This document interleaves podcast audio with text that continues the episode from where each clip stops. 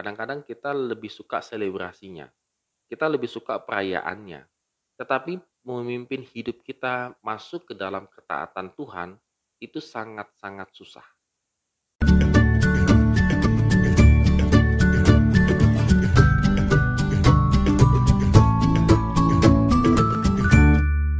Shalom good readers, hari ini kita kembali merenungkan firman Tuhan, mengucap syukur kalau Tuhan memberikan kehidupan lagi bagi kita pada hari ini untuk kembali beraktivitas. Dan kita akan membaca dari 2 Tawari pasal 35 ayat 1 sampai dengan yang ke-19.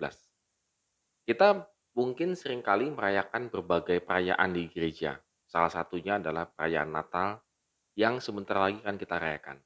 Mungkin banyak sekali persiapan-persiapan yang sudah kita lakukan, baik itu di gereja maupun di rumah untuk menyambut Natal. Tetapi kalau teks yang hari ini kita baca agak sedikit berbeda.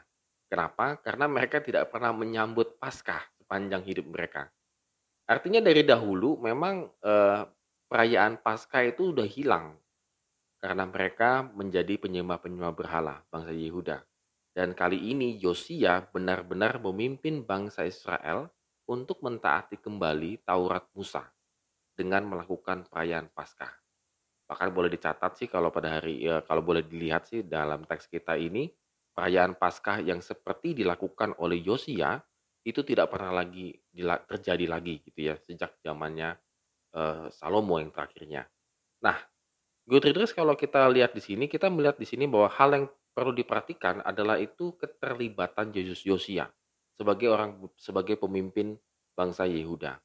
Dua kali dinyatakan bahwa pengaturan hal-hal dalam perayaan Paskah dilakukan atas perintah raja ayat 10 sampai dengan 16. Seperti halnya penetapan tugas juga para imam di ayat yang kedua tadi kalau kita baca. Yosia juga bertindak sebagai pemberi semangat bagi para imam dan orang Lewi. Dan tidak hanya itu saja, Yosia sebagai pemimpin Yehuda berperan aktif dalam mengusahakan agar Taurat Tuhan itu sungguh-sungguh ditaati. Jadi merayakan Paskahnya boleh, tetapi perayaannya jangan sampai sama dengan perayaan penyembahan Baal. Nah ini kenapa Yosua benar-benar memperhatikan. Mereka tugasnya para imam, Lewi, rakyatnya, kurbannya. Bahkan dia memberikan keteladanan dengan memberikan kurban juga sebagai seorang pemimpin. Jadi tindakan-tindakan Josia ini bukan sekedar tindakan-tindakan biasa saja, tetapi kembali lagi untuk mengingatkan umat supaya mereka mentaati kembali peraturan-peraturan Musa yang mereka telah tinggalkan. Dan hal ini membutuhkan satu usaha, ketelitian dengan sungguh-sungguh. Dan kepemimpinan Josia sangat terlihat dengan jelas di sini. Bagaimana dia berusaha memimpin bangsa ini untuk kembali setia kepada Tuhan. Good traders dalam kehidupan kita juga sama ya. Kadang-kadang kita lebih suka selebrasinya. Kita lebih suka perayaannya. Tetapi memimpin hidup kita masuk ke dalam ketaatan Tuhan itu sangat-sangat susah. Kalau kita ingin menselebrasi misalnya kita selebrasinya apa? Ya saya sudah lulus katekisasi. Ya saya sudah lulus apa misalnya. Selebrasinya gampang. Tetapi apakah selebrasi-selebrasi yang kita rayakan itu benar-benar membawa kita semakin taat kepada Tuhan atau tidak. Perayaan Natal sebentar lagi kita akan kita akan ini ya kita akan adakan. Pertanyaan juga sederhana.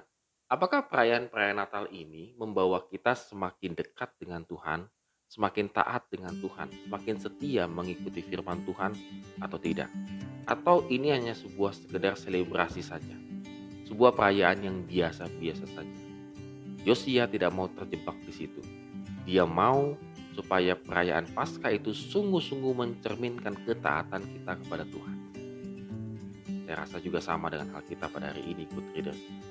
Bahwa selebrasi yang kita lakukan, apa pun itu, ulang tahun kah, ulang tahun pernikahan, apakah perayaan Natal sebentar lagi kita lakukan, apakah selebrasi itu mencerminkan ketaatan kita kepada Tuhan, atau itu sekedar sebuah selebrasi, habis itu end, tamat. Mari good readers kita renungkan firman Tuhan pada hari ini.